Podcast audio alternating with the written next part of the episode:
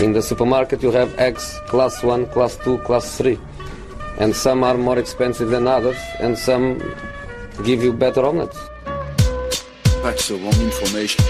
Wrong, wrong, wrong information. I didn't say that. That's the wrong information. Do you think I'm an idiot? Wrong, wrong, wrong information. Now look at me when I talk to you. Your job is to tell the truth. That's the wrong information. Ja, ni hör ju på vignetten. Det är dags för Sillypodden här denna tisdag. Mycket har hänt, får man säga. Däremot sitter vi inte i studio som vi gjorde förra veckan och ni kanske hör på min röst att jag är ju inte Patrik Syk heller. Han har mycket att stå i helt enkelt så han överlämnade tillbaka Sillypodden till mig denna dag. Frida Fagerlund med dock, återigen på länk men inte lika lång länk va? Eh, nej, nu, just nu befinner jag mig nere på sydkusten i Skåne. Så att eh, lite, lite närmare. Eh, Där trivs absolut. du. Eh, ja, nej, men jag ska inte klaga. Det är alltid kul och som igår när jag hängde lite på stranden här så eh, kom, eh, alltså efter träningen så kom eh, eh, halva TFFs A-lag också och la sig och, och solade. Jag bara, jag bara kände liksom att nu, nu är jag hemma när jag har TFF så nära också. Så det kändes, kändes extra bra. Hur går det för TFF? Vi har varit så dåliga på att följa Superettan nu liksom. Ah, det behöver vi inte prata om. Ja, det, det är Ja, så. men det, går, det, går, det, går, eh, det går eh, rätt så bra. Men eh, de- de måste börja ta lite fler poäng om det ska bli någon allsvenska nästa år. Mm, förstår. Eh, de kanske inte i alla fall börjar kicka tränare för att jaga Champions League-titlar och sånt där. De är inte riktigt på den fronten där Juventus är. Vi kan väl börja med det som hände här. Fantastisk segway. Tycker verkligen det. var ganska krystad. Morgonsegway. ah, eh, oavsett i alla fall. Det har ju Champions League börjat spelas.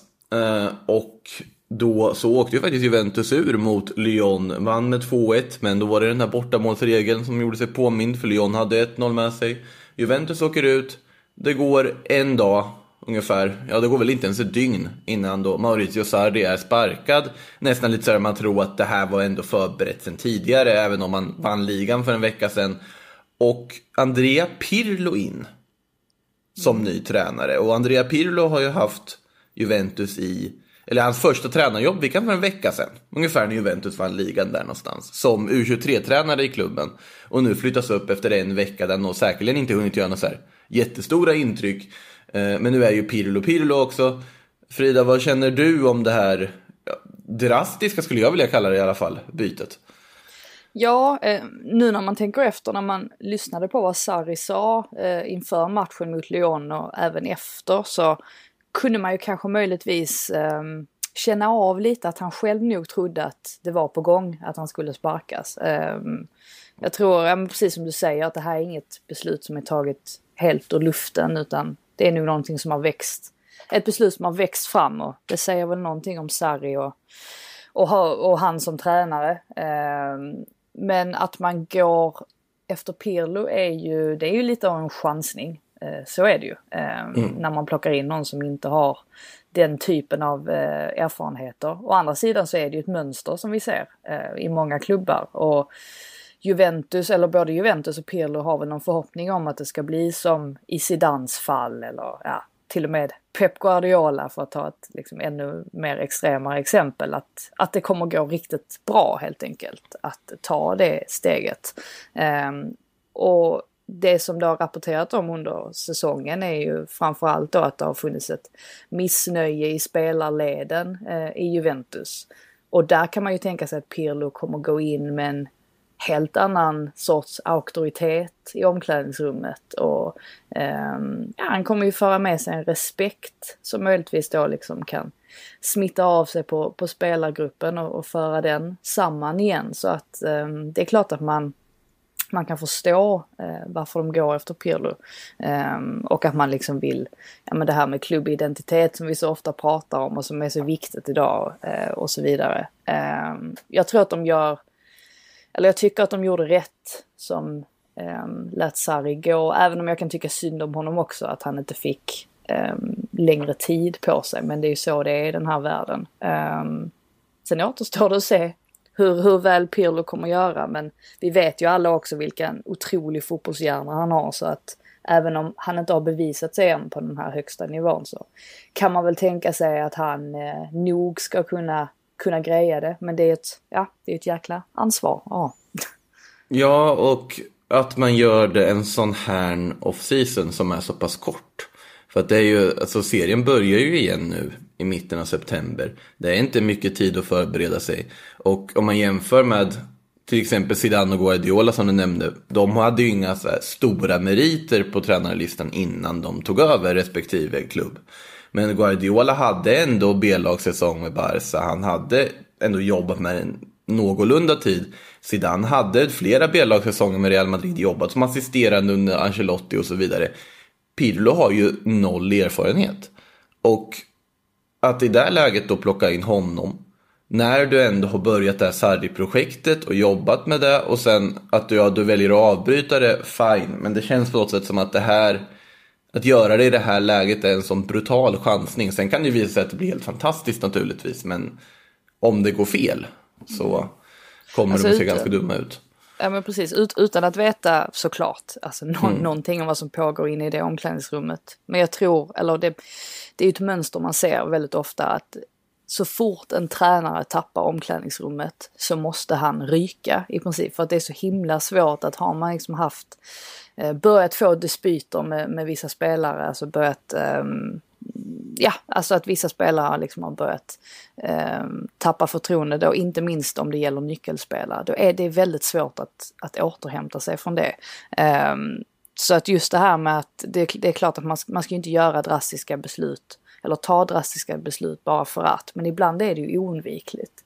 Eh, och det kan ju vara att det här fallet var ett sådant. Eh, man- det, det måste ju ha varit så. Eh, Man kan väl tänka sig att de mest framstående spelarna i Juventus, behöver vi inte nämna namn för vi vet ju alla vilka de är, eh, har säkert haft någonting att säga eh, om grejen. Så att, nej, men jag undrar ju framförallt också, alltså visst, intressant att se hur det ska gå för Pirlo, men man undrar lite också vad som kommer hända med Sarri. Alltså var, Mm. var, hur, hur höga är hans aktier nu? Alltså de, de kan ju inte vara speciellt höga ändå, för att nu har han ju misslyckats två gånger i rad egentligen. Ehm, så att det blir väldigt eh, intressant att se vad som händer honom, alltså vilken, vilken liga och liksom vilken typ av, av lag som är beredda att eh, ta in honom. Ja, också på det att han ändå i Chelsea han lyckas ta den där Champions League-platsen. Nej, det gjorde han ju inte alls det, för det var ju Europa League de vann. Eh, glömde jag sa. Eh, men i alla fall, så det var, det var ju inte totalt kaos i Chelsea, men jag, han, han ryker åtminstone. Det fanns ändå möjlighet att han kanske hade kunnat fortsätta. Han vinner ändå en titel. Eh, och här Juventus vinner en ligatitel, ryker ändå för att det, ja, det har helt enkelt inte sett bra ut plan heller. Men ja, det är väl så att på något sätt verkar det som att hans idéer att ja, han är väldigt hård på sin egen, han vill spela på ett visst sätt och så vidare. Han är inte riktigt anpassningsbar till stora stjärnor, alla typ Ancelotti som egentligen inte har några taktiska idéer utan bara låter alla göra vad de vill. Så att det, det blir ju någon sorts krock när en sån spelare, tränare kommer in till en trupp med väldigt mycket stjärnor och så vidare. Det är väl där man på något sätt ser här, eller där man kan urskilja. Eh, men eh, det sägs i alla fall att om man ska tro fot Mercato så har ju Juventus-ledningen helt missförstått vad stjärnorna vill. För att ganska direkt efter att Pirlo blev bekräftad som ny tränare så kom ju uppgifter om att Ronaldo vill bort naturligtvis. Och Ronaldo Jo, vill då Men det har väl till... ryktats ganska länge va? Ja, det ryktas ju alltid. Men det var ganska bra timing på just de här uppgifterna. Att Ronaldo då vill Brukar till... vara så. ja, till Paris Saint-Germain då och hans eh, entourage ska ha tagit kontakt med Leonardo för att få igenom någon form av övergång. Hur mycket ger vi det här då? Det känns väl ganska osannolikt ändå. Ja, det kom väl redan, ja, det var väl några månader sedan som det pratades om att om pandemin inte hade skett så hade den övergången skett eftersom att Ronaldo vill spela med Neymar. Eh, och, och, och det är inte som att jag inte vill se det hända för att det vore, ehm, det vore, vore väldigt intressant att se de två på plan i, i samma lag. Ja, ja. Eh, och man kan väl tänka sig att Ronaldo känner att den här säsongen inte har varit hans bästa. Eh, Och att om han nu ska liksom eh, testa på någonting annat innan han lägger skorna på hyllan så är det kanske nu eller aldrig eh, lite grann. Ehm, ja, alltså jag har inte, jag, jag får bara lite, jag får lite Zlatan-vibbar ändå av det här att han, liksom, om det nu skulle bli så att han liksom lämnar för en ny liga. Det är lite det här att samla flaggor, eh, alltså sam, samla på sig ligor. Ehm, men eh, ja, det blir väl svårt va, rent ekonomiskt, inte minst, att, eh, att fixa den övergången kan man tänka sig. Ja, det beror ju också på hur PSG ser på det där med att värva en spelare som... Han kostade en miljard när han var 33. Jag vet inte hur mycket billigare han skulle vara nu. Nej, och de lär ju inte få tillbaka pengarna som Real fick liksom. ehm, som de la ut. Så att äh, det är klart att man har svårt. Man har ju svårt att se att sådana här stora övergångar ska ske överhuvudtaget den här sommaren. Eh, men det vore ju kul för Silly-fönstret, eh, inte minst, om, om det hände. Ja, jag flyttar på Ronaldo, det, det pi- piggar ju upp. Det gör det ju, det får man ändå säga. Eh, Men nu verkar det i alla fall som att han ska jobba där med Pirlo. Han slipper några uppvärmningar i alla fall. Om Pirlo ska följa sin eh, devis från när han var spelare ska de ju inte värma upp i alla fall. För att han, det var det värsta han visste var ju uppvärmningar inför match. Så det kan ju bli, kan bli alla går omkring och kör den här vad heter, Maradona-dansen man har sett från, här, på någon video från en gammal Maradona-uppvärmning. Alla i Juventus går omkring och bara latchar inför match. Vi får se hur, hur Pirlo är som tränare, det vet vi ju inte. Så att, Eh, om vi går vidare till Tyskland då, för en, en spelare som vi har trott ska flytta på sig för väldigt mycket pengar den här sommaren är Jadon Sancho. Eh, det har ju pratats hela tiden om att United och Dortmund förhandlar, det ska vara så nära. Sancho går med i någon WhatsApp-grupp tillsammans med eh, United-spelare och allt möjligt. Allt tyder på att det ska bli av. Och sen kommer sportchef Michael Sork, möter media efter träning ute på ja, deras träningsanläggning tror jag att det är. Det ser ganska gemytligt ut på de här bilderna. Eh, och så säger han bara, ja men eh, Jadon Sancho spelar i Dortmund även nästa säsong. Eh, vi har eh, förhandlat upp hans lön, han har förlängt till 2023. Det kommer inte ske, han blir kvar här, punkt. Det besvarar alla frågor. Eh, hur förvånad blev du när du hörde det uttalandet? Mm, jag blev mest förvånad över det här att han hade förlängt kontraktet i hemlighet. Ja. Eh, det, var, det var väl den biten man liksom, där studsade man till eh, lite grann. Eh, men det är väl klart att de känner att de sitter på en guldklimp som United väldigt, väldigt, väldigt, väldigt gärna vill ha. Så att Dortmund sitter ju i en bra position, eh, minst sagt.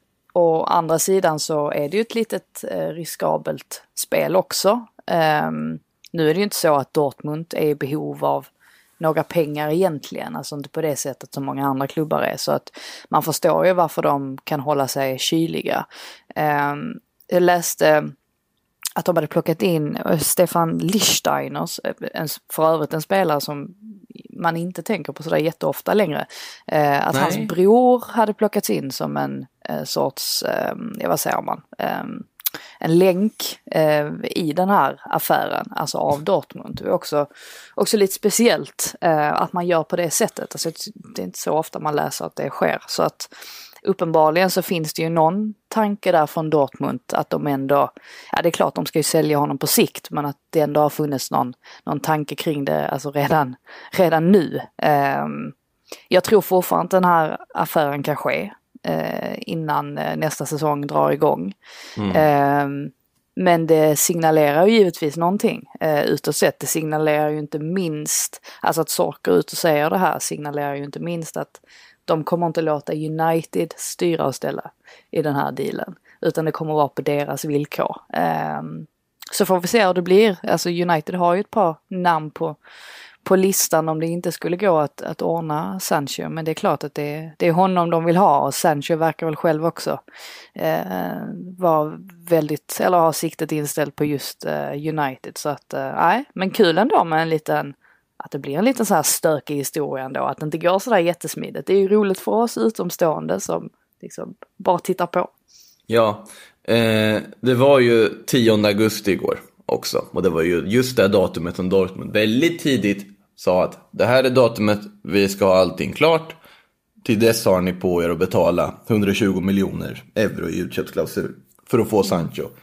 Och 10 augusti går då Sorkut och säger men det har inte kommit något, det, det är liksom klart, han blir kvar här. Men vi ska komma ihåg att exakt samma sak, man kan nästan liksom karbonkopiera Sorks citat och slänga till tre år tidigare när Osman Dembélé ryktades bort. Att då sa han också Osman Dembélé blir kvar här, han kommer inte gå den här sommaren och vi räknar med honom nästa säsong. Två månader senare så betalar Barcelona ja, en ofantligt stor summa för att värva Dembélé.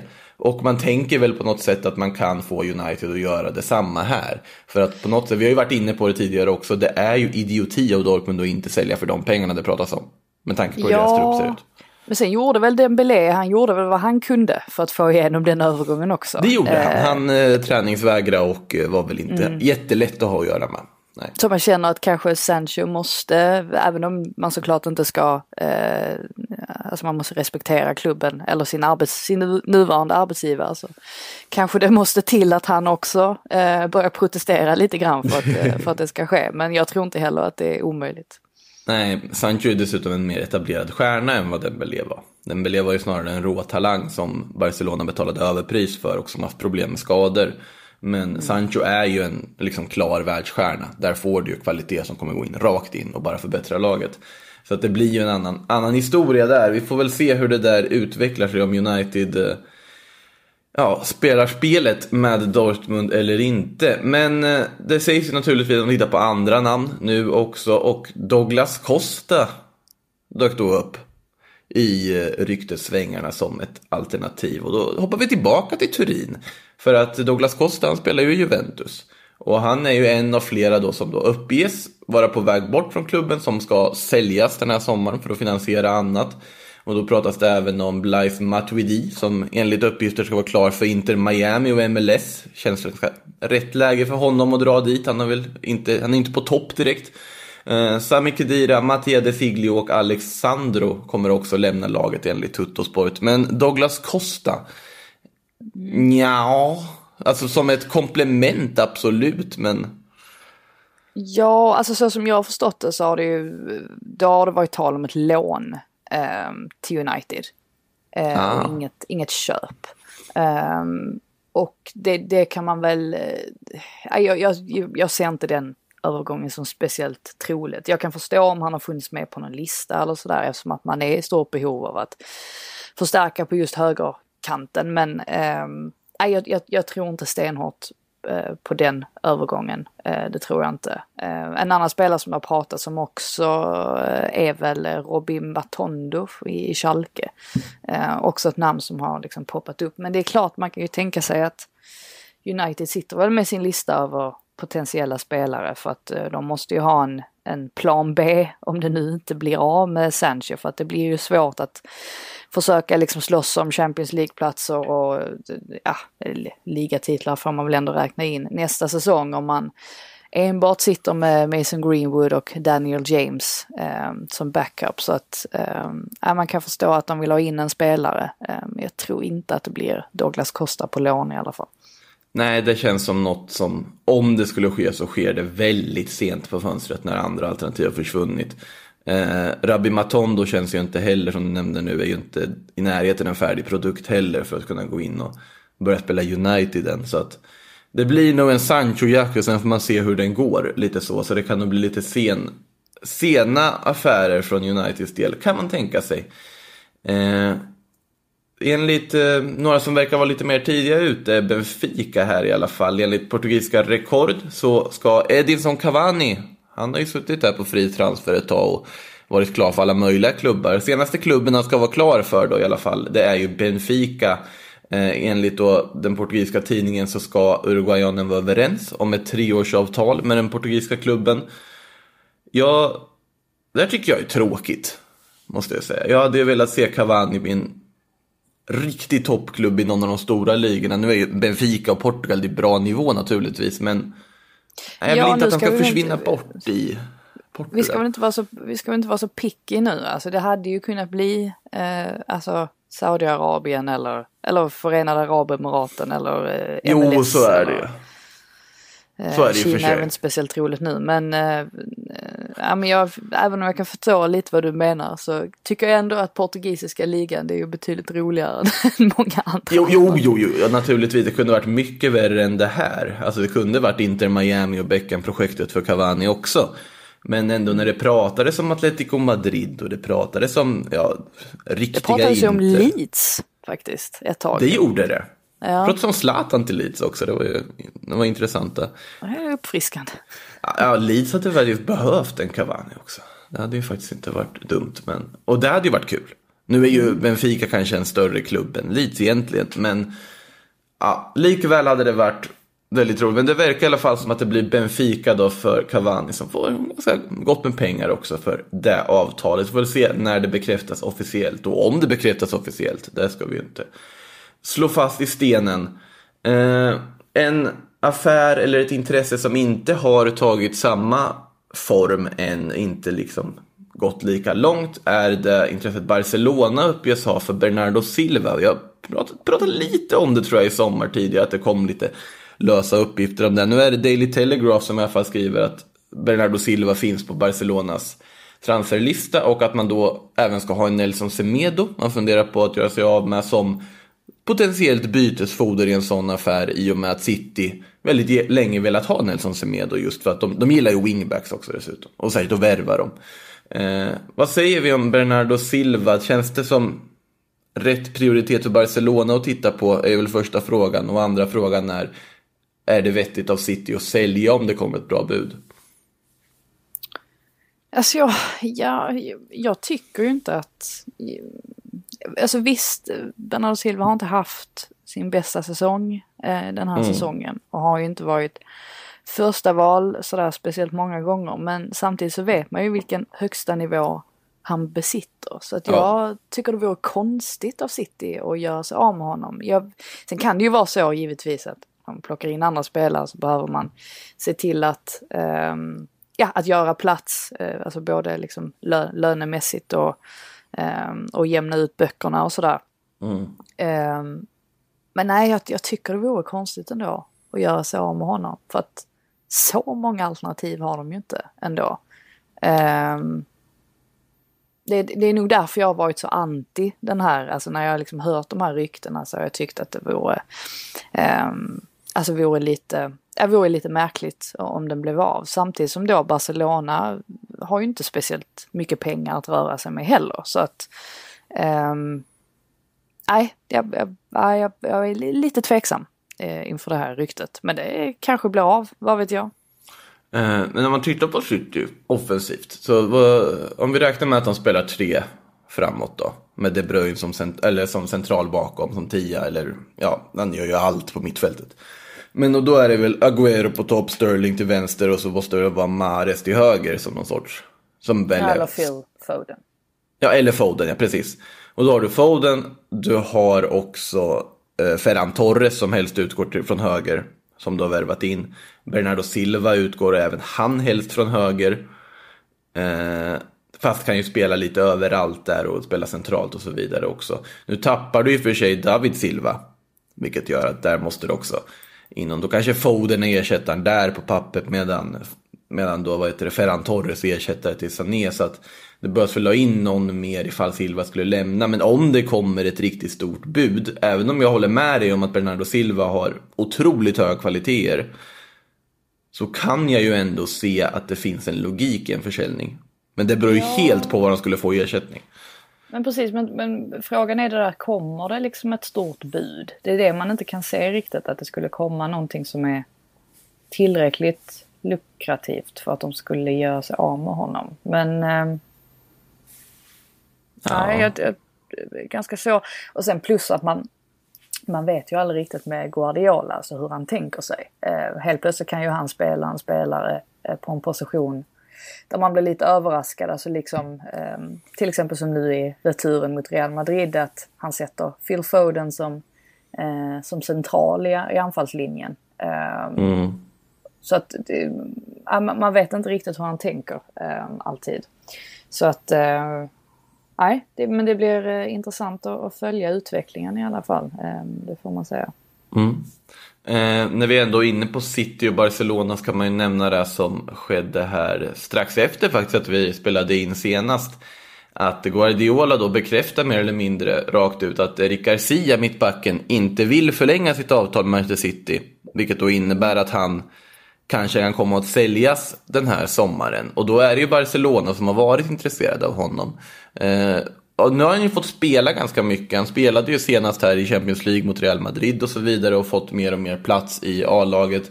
Vad skulle du säga om Eric Garcia? Är det en spelare man verkligen ska kämpa för att få behålla eller ska man bara acceptera läget på något sätt här och kanske försöka casha in?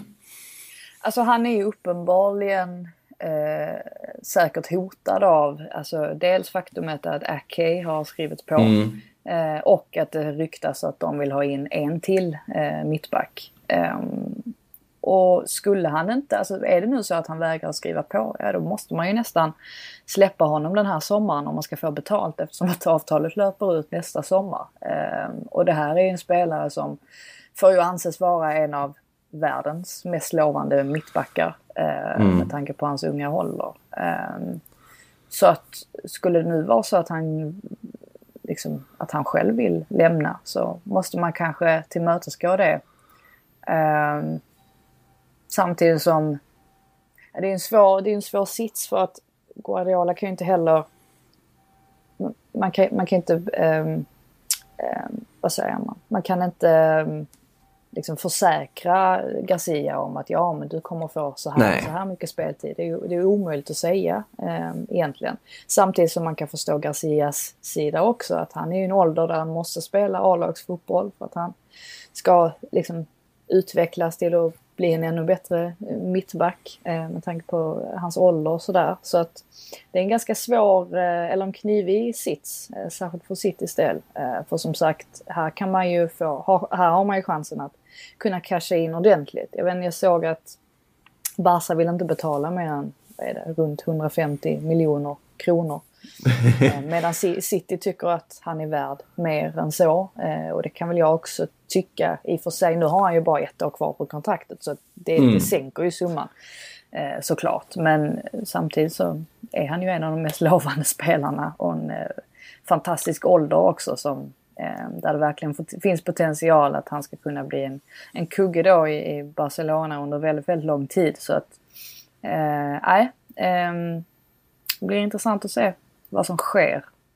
Ja, alltså att Barcelona vill ha honom är ju uppenbart också på att det finns ju sådana likheter med när Gerard Piqué kom hem. Att han gick i ung ålder till Manchester-klubb. Han är och petar lite på startelvan ändå med och liksom spelar lite och ser lovande ut. Och sen värvas tillbaka till Barcelona, växer där och blir liksom ja, kaptensmaterial och en av de viktigaste spelarna i klubben. Och man ser väl samma utveckling, eller förhoppning om att Eric Garcia ska göra en liknande resa om han nu lyckas värva hem honom. Men det känns som att det här blir lite svårare än när man plockade Piqué. För Piqué var väl inte riktigt på samma nivå av att ja, hypad på samma sätt. Det var inte samma tid heller där kanske talanger hypades på samma vis som de gör nu. Så att, eh, nej det ska bli, jag håller med, det ska bli otroligt intressant att se vad det här landar i. Jag tror att Barcelona skulle må bra av att få in honom oavsett. Eh, Liverpool, de har ju faktiskt värvat. Det är bara inga krusiduller, det är officiellt bekräftat alltihopa. De har värvat en vänsterback. Kostas Tsimikas, 24-årig vänsterback från Olympiakos för 130 miljoner kronor, uppges det i alla fall. Eh, det känns ju som en oerhört alltså, Liverpool-kompatibel värvning att göra sett till det vi var inne på lite förra veckan, nämligen att Liverpool att man jobbar ju på ett visst sätt. Man ser potential hos vissa spelare och plockar dem. Kanske spelare som inte alla andra jagar. Eh, jag vet inte om man ska slänga ur den här frågan till dig Frida, men vad, vad vet du om Kostas Tsimikas? Jag vet att han har varit, eller att han har spelat i Esbjerg.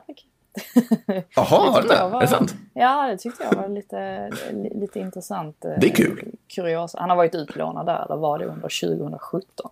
Var han bra då? Eh. Framgick det också? Det, jag följer inte Esbjerg sådär jättehårt. jag så att jag eh, minns inte riktigt eh, vilken nivå han höll. Nej men det här är såklart precis som du säger så kan man ju tänka sig att det här är väl scoutat. Eh, Man är framförallt imponerad av att det gick så snabbt från att man insåg att den här dealen med Jamal Lewis inte skulle bli av eftersom att Norwich inte ville släppa honom för en viss summa. Så dröjer det bara några dagar och sen är man eh, överens med Olympiakos i, istället. Eh, så att det är ju givetvis, eh, ja alltså ett, ett bra jobb på så sätt av, eh, av Liverpool. Och man kan väl tänka sig då att den här killen har eh, extrema möjligheter att utvecklas. Så jag tror att som, som ytterback så ser man ju givetvis vad, alltså vad Jörgen Klopp har gjort. Dels då med Trent Alexander-Arnold till höger men givetvis framförallt Robertson till vänster och att man har någon sorts eh, bild eller vision av att man själv vill ta samma typ av steg och utvecklas på samma sätt eh, under Klopp. Så att eh, det ska bli spännande att följa och det var ju såklart helt vitalt för Liverpool att få in en backup Ja, till Robertson. Det har ju saknats. Eh, och nu är det ju egentligen bara, men det är ju framförallt en, en mittback och sen en, en backup där fram då som liksom är av störst prioritet nu. Så att eh, helt plötsligt har de ju kommit en bit i, i transferfönstret eh, i alla fall. Så att det känns som att de är nog ganska lugna i, i Liverpool-lägret eh, med tanke på hur situationen ser ut. Mm. Man, vet, nu vet jag inte om Tsimikas kan spela till höger också, men annars skulle man ju vilja ha någon liknande form av backup till Trent också, så man kan avlasta honom. Eller om man vill flytta in honom i mitten och testa lite någon match eller något, att man ändå har ett högerbacksalternativ också. Har Eh, ju James Milner. Ja, James Milner är väl alternativ överallt, eller? Ja, exakt. Ja. Eh, men när man tittar, det lilla man har hört eller sett av Tsimikas så där var ju precis som du var inne på det där att han också i intervjun är väldigt tydlig med att ja men jag ville komma hit och lära mig av Andy Robertson och följa och utvecklas för egen del. Och dessutom om man tittar stats så han gjorde ju ändå sju assist som ytterback förra säsongen. Han verkar ju vara också, han är ju inte den så här han är ingen stoppkloss bak utan det är ju snarare en ytterback som gärna hänger med i anfallen och är duktig med goda inlägg och så vidare. Så det känns ju som man får bara anta att det är väldigt välscoutat och att man har en god plan. För det har ju Liverpools värvningar varit under de senaste åren. Har ju, gemensamma nämnaren är att de är ju välscoutade. Och de har den tanken, Så att man får ju bara lita på att Kostas Tsimikas är the real deal för Liverpool helt enkelt. Så, så pass mycket cred får vi ändå ge den sportsliga ledningen. Eh, Arsenal då, hur mycket cred ger vi deras sportsliga ledning? Eh, William har vi nämnt förut, vi var lite oense också om hur bra vi tycker den värvningen är. Men eh, enligt Sky Sports ska det i alla fall vara väldigt, väldigt nära nu att han i princip är klar för Arsenal. Han har ju redan sagt hej då till Chelsea-fansen med ett fint meddelande på sociala medier och Chelsea som klubb har även sagt farväl till William på sociala medier. Så att det är väl, nu är det väl Arsenal som gäller. Ja, nej, men det verkar ju som det. Ehm, och jag tycker att det är liksom en övergång som blir ännu mer logisk ehm, när jag insåg att han eh, själv föredrar att eh, spela centralt. Ehm, alltså kanske till och med alltså lite släpande då bakom en Ah. eventuell striker. Vilket gjorde att, för jag har haft lite eh, bekymmer i huvudet med att få ihop liksom, eh, hur ska man liksom få in PP, alltså vad, kan man Mm. liksom spela på andra kanten eller kan William, eh, ska man flytta över honom till andra kanten? Men, men nu, alltså, it makes more sense för mig i alla fall, när man inser att, alltså hur Arteta tänker. Alltså Arteta vill ju uppenbarligen väldigt gärna ha spelare som är väldigt versatile och kan spela Mm. på olika typer av positioner. Det är väl därför han framförallt då vill ha Partey också, eh, kan man tänka sig. Eh, ursäkta mitt engelska uttal på Partey. får man eh, flagga för. Eh, så att man inte får några eh, arga kommentarer. Men, ehm, ja, men jag, tycker, jag tycker ändå att det, jag vet att han borde vara på nedgång eh, på grund av sin ålder och ett, ett treårsavtal som det pratas om. Det är ju det är ganska lång tid. Alltså han kommer ju vara eh, Ja, han kommer ju vara rätt gammal ju när det går ut. Men jag tycker ändå att med tanke på hur bra han har varit den här säsongen så är det ändå en bra värvning eh, för Arsenal med tanke på deras situation och att de inte kan välja och vraka eh, som de vill alls eh, på samma sätt. Det löser i alla fall ett sorts, eller ett typ av problem.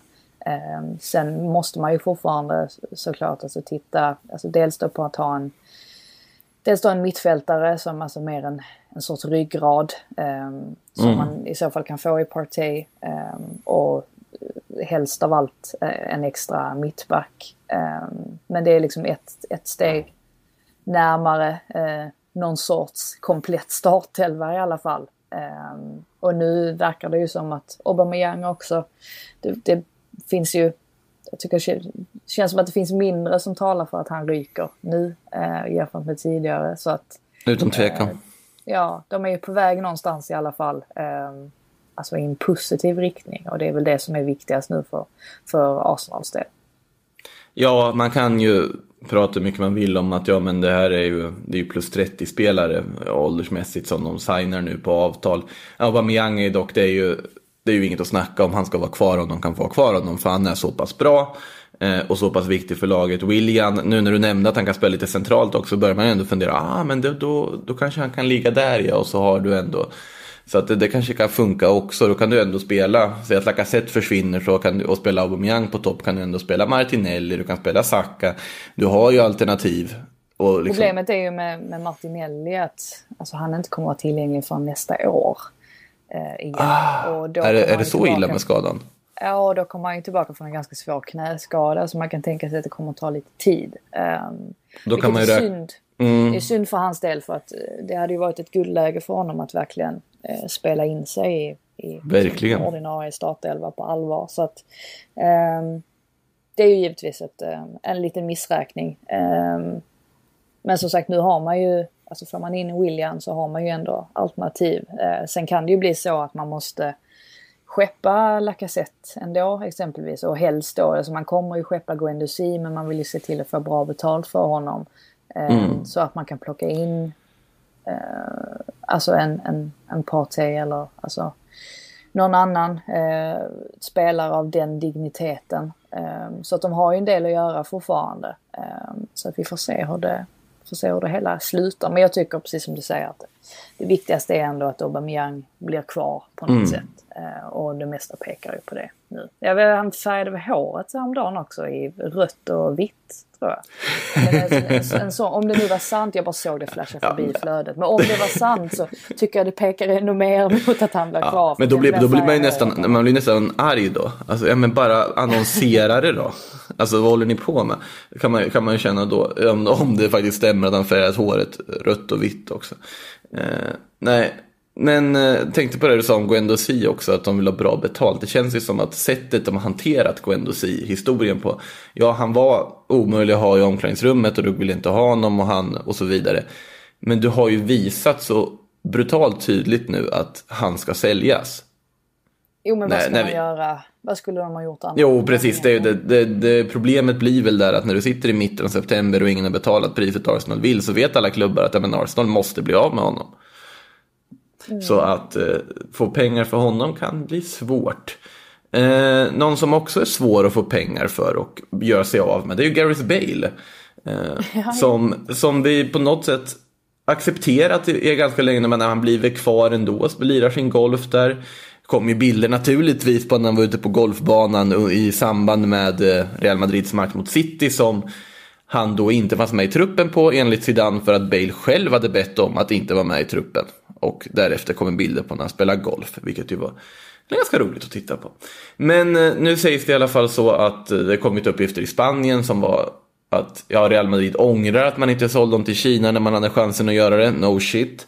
Eh, och nu så kopplas han ändå samman med Tottenham igen. Som då med ett lån sägs det då att ska vara aktuellt. Att Tottenham kan rädda Gareth Bale. Jag tror inte det, det är snarare rädda Real Madrid än rädda Gareth Bale kanske. Men vad ger vi det här? Om vi säger så, tror du Bale i Tottenham, hade det varit någonting att lägga några pengar på? För Tottenhams del? Ja, alltså det är ju frågan hur, hur mycket pengar har de? Eh, ja, Sverige. För att det, det, som jag ser det så är ju ekonomin det enda hindret för, för en, alltså en flytt till, mm. tillbaka till Premier League. Eh, vilket man annars kan se som väldigt logiskt. Och det vore ju, alltså det vore ju helt sjukt egentligen för Tottenham att ha både Gareth Bale och Harry Kane i samma, eh, i samma lag. Eh, och sån. Alltså, vi vet ju, vi vet ju liksom vilken nivå Gareth Bale besitter. Och att mm. han ska liksom komma tillbaka till sin gamla miljö. Alltså det hade ju varit, ja, det hade varit helt enormt att se. Mm. Um, Men det är ju lite, jag tycker det också är, för att det är ju många som, som pratar om hur han är respektlös mot Real Madrid och sånt där. Jag tycker snarare att han är respektlös mot sig själv. Eh, alltså han håller ju på att, liksom, han, han har ändå förstört ganska många eh, år nu av sin egen karriär. Det är nästan som att han liksom tycker att han har, han har uppnått allt. Och, Mm. och att han bara kan sitta ut de här åren. Eh, det är ett litet riskabelt spel från hans sida egentligen. Men han verkar ju nöjd så vad, vad, vad ska man göra? Ja, han, Ehm, men som sagt det är, ju, det är ju pengarna här som är det stora bekymret. Så att det beror väl helt på hur stor andel ehm, som Real kan tänka sig att betala av hans lön. Uh, respektive Precis. Tottenham då som inte har speciellt mycket pengar att röra sig med. Så att eh, det vore, vore intressant om det hände. Det vore kul att se om han kan liksom komma tillbaka till Premier League och liksom ja, komma tillbaka till sin gamla form. ehm, eller hur det nu blir. Alltså, jag är fortfarande inställd på att han kommer att eh, stå där i en Real Madrid startelva i mitten av oktober när man inte lyckas sälja honom. Och sen kommer han vara ganska bedrövlig, 45, bytas ut, bänkad i fem matcher till, får han plötsligt chansen. Ja, du vet mönstret, det, det är väl det jag ser framför mig. Men man, man hoppas väl för hans skull också. Att det kanske inte bara ska vara golfen och, och livet på Real Madrid-bänken. Att han ändå ska se att det finns något mer där borta någonstans i horisonten. Att han är nog inte slut än. Det vill jag inte tro att han är. Så att, eh, vet du vad jag tycker är ett fruktansvärt roligt rykte också som jag faktiskt hoppas händer? Chris Wood till Lazio. Ja, eh, det såg jag också swisha förbi. Jag såg framförallt eh, rubriken att han själv hade erbjudit sig till att... Till Lazio. Han vill till Serie A. Ja, det verkar så. Ja, den är ju otippad. Jag vet inte om han ska bära Immobiles väska eller vad han... Liksom, eh, han kanske vill, ja, han kanske går in och petar honom. Who knows? Ja, alltså Chris Wood i alla fall i Burnley, en, eh, en bra, vettig, gedigen forward får man säga. Men det känns ju inte riktigt så här kompatibel utanför Premier League eller utanför Burnley för den delen riktigt. Han är så perfekt i Burnley. Och att han då skulle gå till Lazio, ja. Det är Corriere dello Sport som kommer om uppgiften i alla fall att eh, då nya zeeländaren Chris Wood kan vara på väg dit. Och det, det är en affär man i, i hemlighet här hoppas ska hända i alla fall. Det, det ska ha varit otroligt kul. Ja, alltså man ska, inte, man ska inte avfärda honom helt och hållet. För att nu spelar han ju trots allt i ett system där han inte riktigt kanske får den, det utrymmet att, att visa vad han går för. För att alltså, om man tänker på hans säsong i, i Leeds där så var han ju, eh, alltså liksom året innan eh, flytten till Burnley så var han ju extremt bra. Ehm, och han har ju liksom, besitter ju en, en speed och det är ju just därför han passar så bra in i Burnley. För att han, han bidrog med någonting, just, eller kom in med någonting som de saknade i, i anfallet. Så att ehm, jag tycker kanske inte att man ska, man ska inte avfärda det helt eh, och hållet för att det är fortfarande en bra anfallare. Men det var lite kul bara att han att det stod att han själv hade erbjudit sig. Jag förstår inte riktigt hur det går till ens. Att man liksom sitter och tittar på Lazio en kväll eller så tänker man att oj, de behöver en backup till Immobile. Och sen så man Den också, här eh, bänken såg riktigt mysig ut att sätta sig Ja, på. ja men lite så. Ja. Jag, jag, vet inte riktigt hur. hur Han kanske, han kanske alltid har drömt om att spela i Serie A. Det är ju inte omöjligt Ja. att han har känt att men det här är ligan jag vill spela i. Att han har Eller att sett, spela med David Silva, att det är det han är ute efter. Han ser chansen till det. Ja. Ja, David Silva närmar ju sig Lazio, om, om ni har missat det för övrigt. Eh, innan vi går vidare på lite lyssnarfrågor så vill jag prata Villarreal. För att eh, de har ju nu officiellt gjort klart med Takefusa Kubo på lån från Real Madrid. Eh, den japanske supertalangen då som alltså får kliva upp en snäpp och börja spela lite Europa League nästa säsong också. Och ska spela med i Villarreal under Emery. Eh, ett Villarreal som inte verkar vara klara där, för i Spanien så uppges det att det ska vara klart med både Dani Parejo och Francis Coquelin från Valencia. Och detta för ett helt osannolikt reapris. Den senaste uppgiften jag såg var att Coquelin skulle kosta 8 miljoner plus bonusar och Parejo skulle vara gratis. Eh, vad Valencia sysslar med, det kan man verkligen fråga sig. För att eh, Berätta gärna. Ja, nej men det är en intressant situation då, för de har ju sagt att upp från ledningen då att ja men vi ska föryngra, vi ska göra om det här laget. Man har plockat in Xavi Gracia som tränare. Eh, och ska ha ett nytt projekt. Ferran Torres blev de ju av med för att Ferran Torres gjorde sig omöjlig samtidigt som Valencia dröjde för länge med kontraktsförhandlingarna och allt bara sket sig och de fick för lite betalt för han.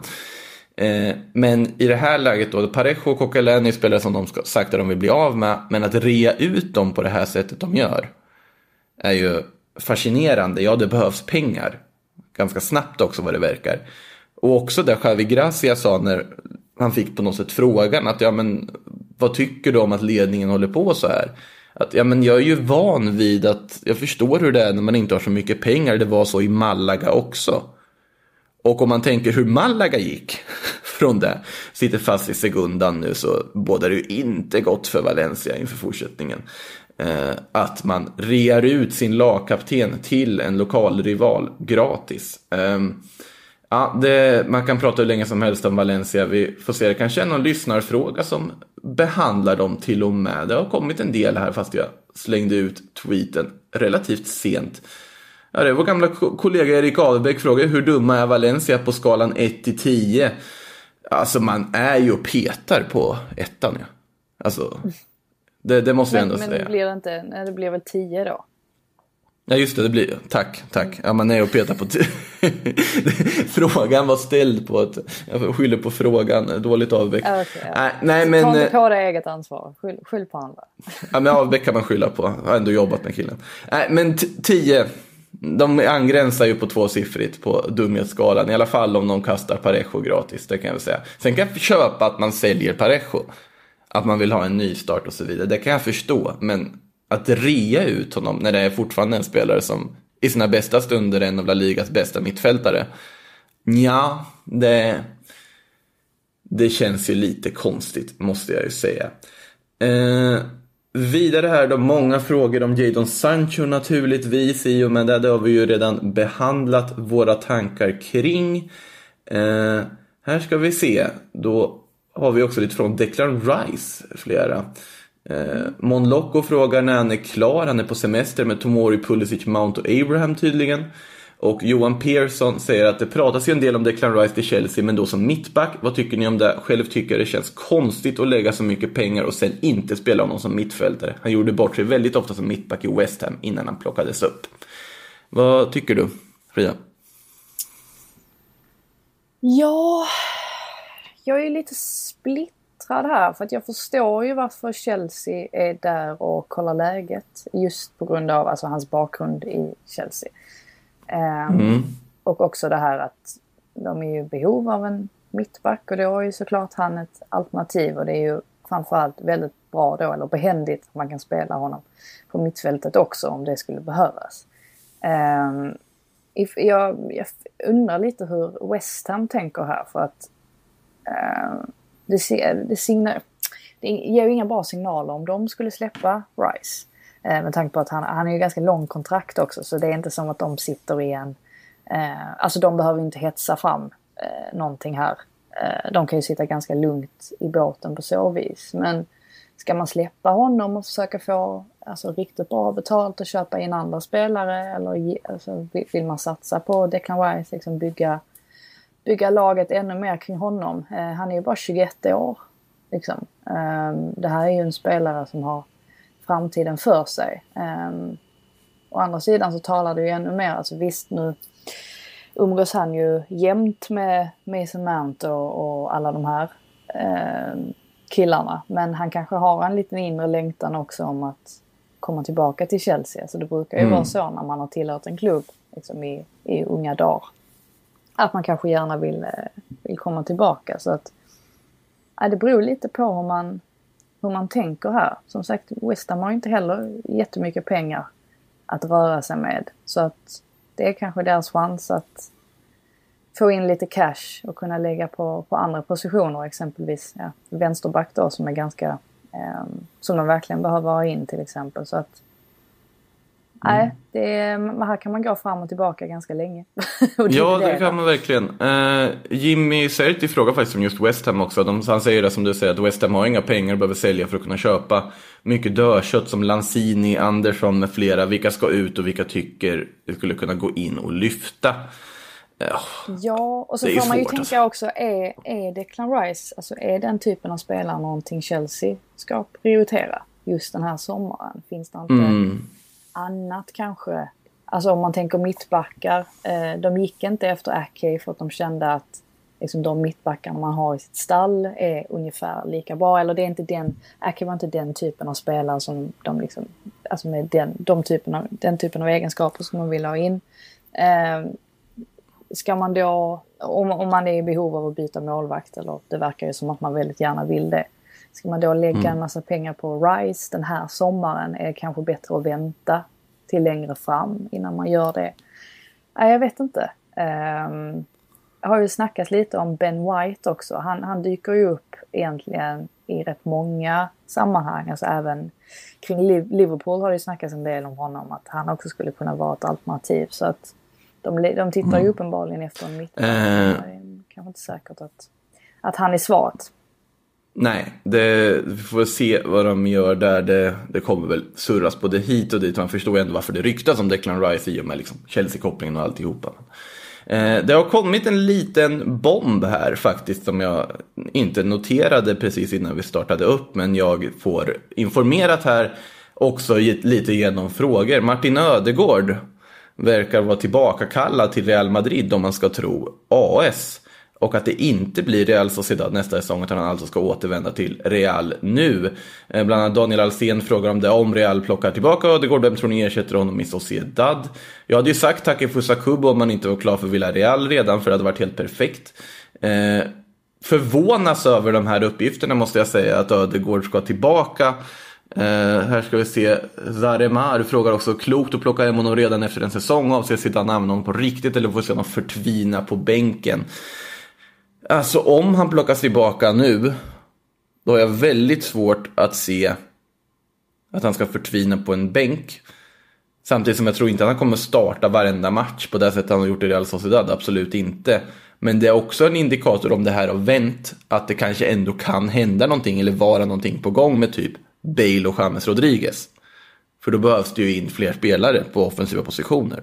För att det här är ju en totalvändning gentemot det som har pratats om tidigare. Så ja, det ska bli spännande att följa här och se om det kanske blir Ödegård i Real Madrid trots allt. Eh, från Norge till Sverige, värvar Chelsea Carl-Johan Jonsson, frågar Jonathan. Ah, vad bra han var igår. Herregud, han vilken hade, insats. Han hade en bra, eh, ehm, han hade en bra kväll. Eh, för jag, jag twittrade ju det som Mm. på, halvt på skoj där. Och liksom, Carl Jonsson till, eh, till eh, PL. Ehm, men det brukar ju bli så. Alltså när, när en spelare presterar. Nu pratar väl de flesta egentligen om Rasmus Falk efter matchen igår. Men, eh, det först gjorde de så. det. Ja, ja, men, ja men precis. Och sen så föll han bort lite grann. Så tog eh, Kalle Jonsson över där. Eh, men men det, faktiskt, det, det brukar ju bli att engelska klubbar och engelsk media får ju upp ögonen för spelare först när de möts och eh, spelaren i fråga gör en bra match. Eh, lite synd ändå, det är lite trist när man får släppa in ett straffmål. Det är lite orättvist. Eh, jag Ja. såg att någon eh, kompis eller twittrade om att, eh, att eh, att det borde nästan inte räknas. Att eh, liksom, alltså, om man släpper in straffmål borde det ändå liksom ses som ett clean sheet. Och det kan jag hålla med om lite grann för att han, eh, nej, han var stark. Eh, ska jag tillägga så här, jag ser på Twitter också att för mig så trender för det är uppåtgående trend i Sverige. Carl-Johan Jonsson, det trodde man inte man skulle få se i sitt liv. Nej, Men Eh, ni får se, Chelsea letar ju ny målvakt. Who knows? Han kanske får sitt... Ja. sitt- Ja, jag vet att någon frågade mig när jag tweetade något liknande hyllning där igår också om är det Chelsea? Men då så tänkte jag Sheffield United. Alltså om, om Mm. Dean Henderson liksom inte får förlängt. Eller man kan ju lyckas förlänga det här lånet. Du behöver in en målvakt, Ramsdale. eh, Budgivningen verkar ju inte gå som planerat med Bournemouth som kräver massa pengar. Carl-Johan Jonsson kanske inte är ett dumt alternativ då. Eh, billigare alternativ om inte annat ju. Ehm, Jämfört med, alltså än om man skulle plocka liksom någon, Ja, onekligen. onekligen. någon engelsk målvakt. Så att ja. Nej, Melker Byström frågar ju det, Carl-Johan Jonssons nya transfervärde. Vad säger vi att han ger? Ger vi han 100 millar? Nej. Jag tycker sånt 70-80? är- Kanske? Beroende på klubb Sånt är som så värvar. himla svår. Han är ändå 30. Jo, men han är ändå 30 bast. Tänker man att, alltså... Ja, det- Ja, han är det ändå där, alltså- Ja, han är ju, det är inte som att, hade han varit 25 då eh, hade jag kanske trott att han hade kunnat få till en liksom, större över, övergång. Men nu är han ju, alltså även om målvakter Ja, har längre livslängd än vad andra spelare har så är det ju ändå, eh, nej. Sen är han ju, ja, han är ganska lång i och för sig. Mittet när man var målvakt. Det är ju det. Och målvakter håller ju, håller ju lite längre också. Så att, eh, men Mm. alltså om de skulle få ett bra bud på honom såklart. Köpenhamn ska sälja på hype. Om vi säger så. Det Mm. känns ju som ett optimalt läge att göra. Ja, vi, kan, vi, kan alla, vi kan i alla fall hoppas. Kan vi göra. Vi hoppas, vi hoppas. Eh, Det, det unnar man Carl-Johan Jonsson, tycker jag. Eh, tycker vi avslutar på Carl-Johan Jonsson och avslutar på topp här med eh, någonting trevligt. Eh, mer Europa League ikväll också. Eh, Sevilla, Wolverhampton bland annat. Ska du kolla den kanske? Ja, ja, men det ska jag definitivt göra. Det ska bli kul att se, alltså framförallt där hur, om Wolves kan liksom komma tillbaka till... De har ju, de har ju vacklat lite ändå, eller de gjorde ju det efter omstarten där. Så vi får se Mm. om de kan komma tillbaka till sitt gamla jag. Det blir intressant att se. Eh, Och sen har vi Champions League i veckan och så vidare också. Och Sillypodden den återvänder förr eller senare, sannolikt innan den här veckan är slut, återigen med ett nytt avsnitt. Tills dess får ni ha det gott allihop. Vi hörs. Ta hand om er i värmen. Hej då.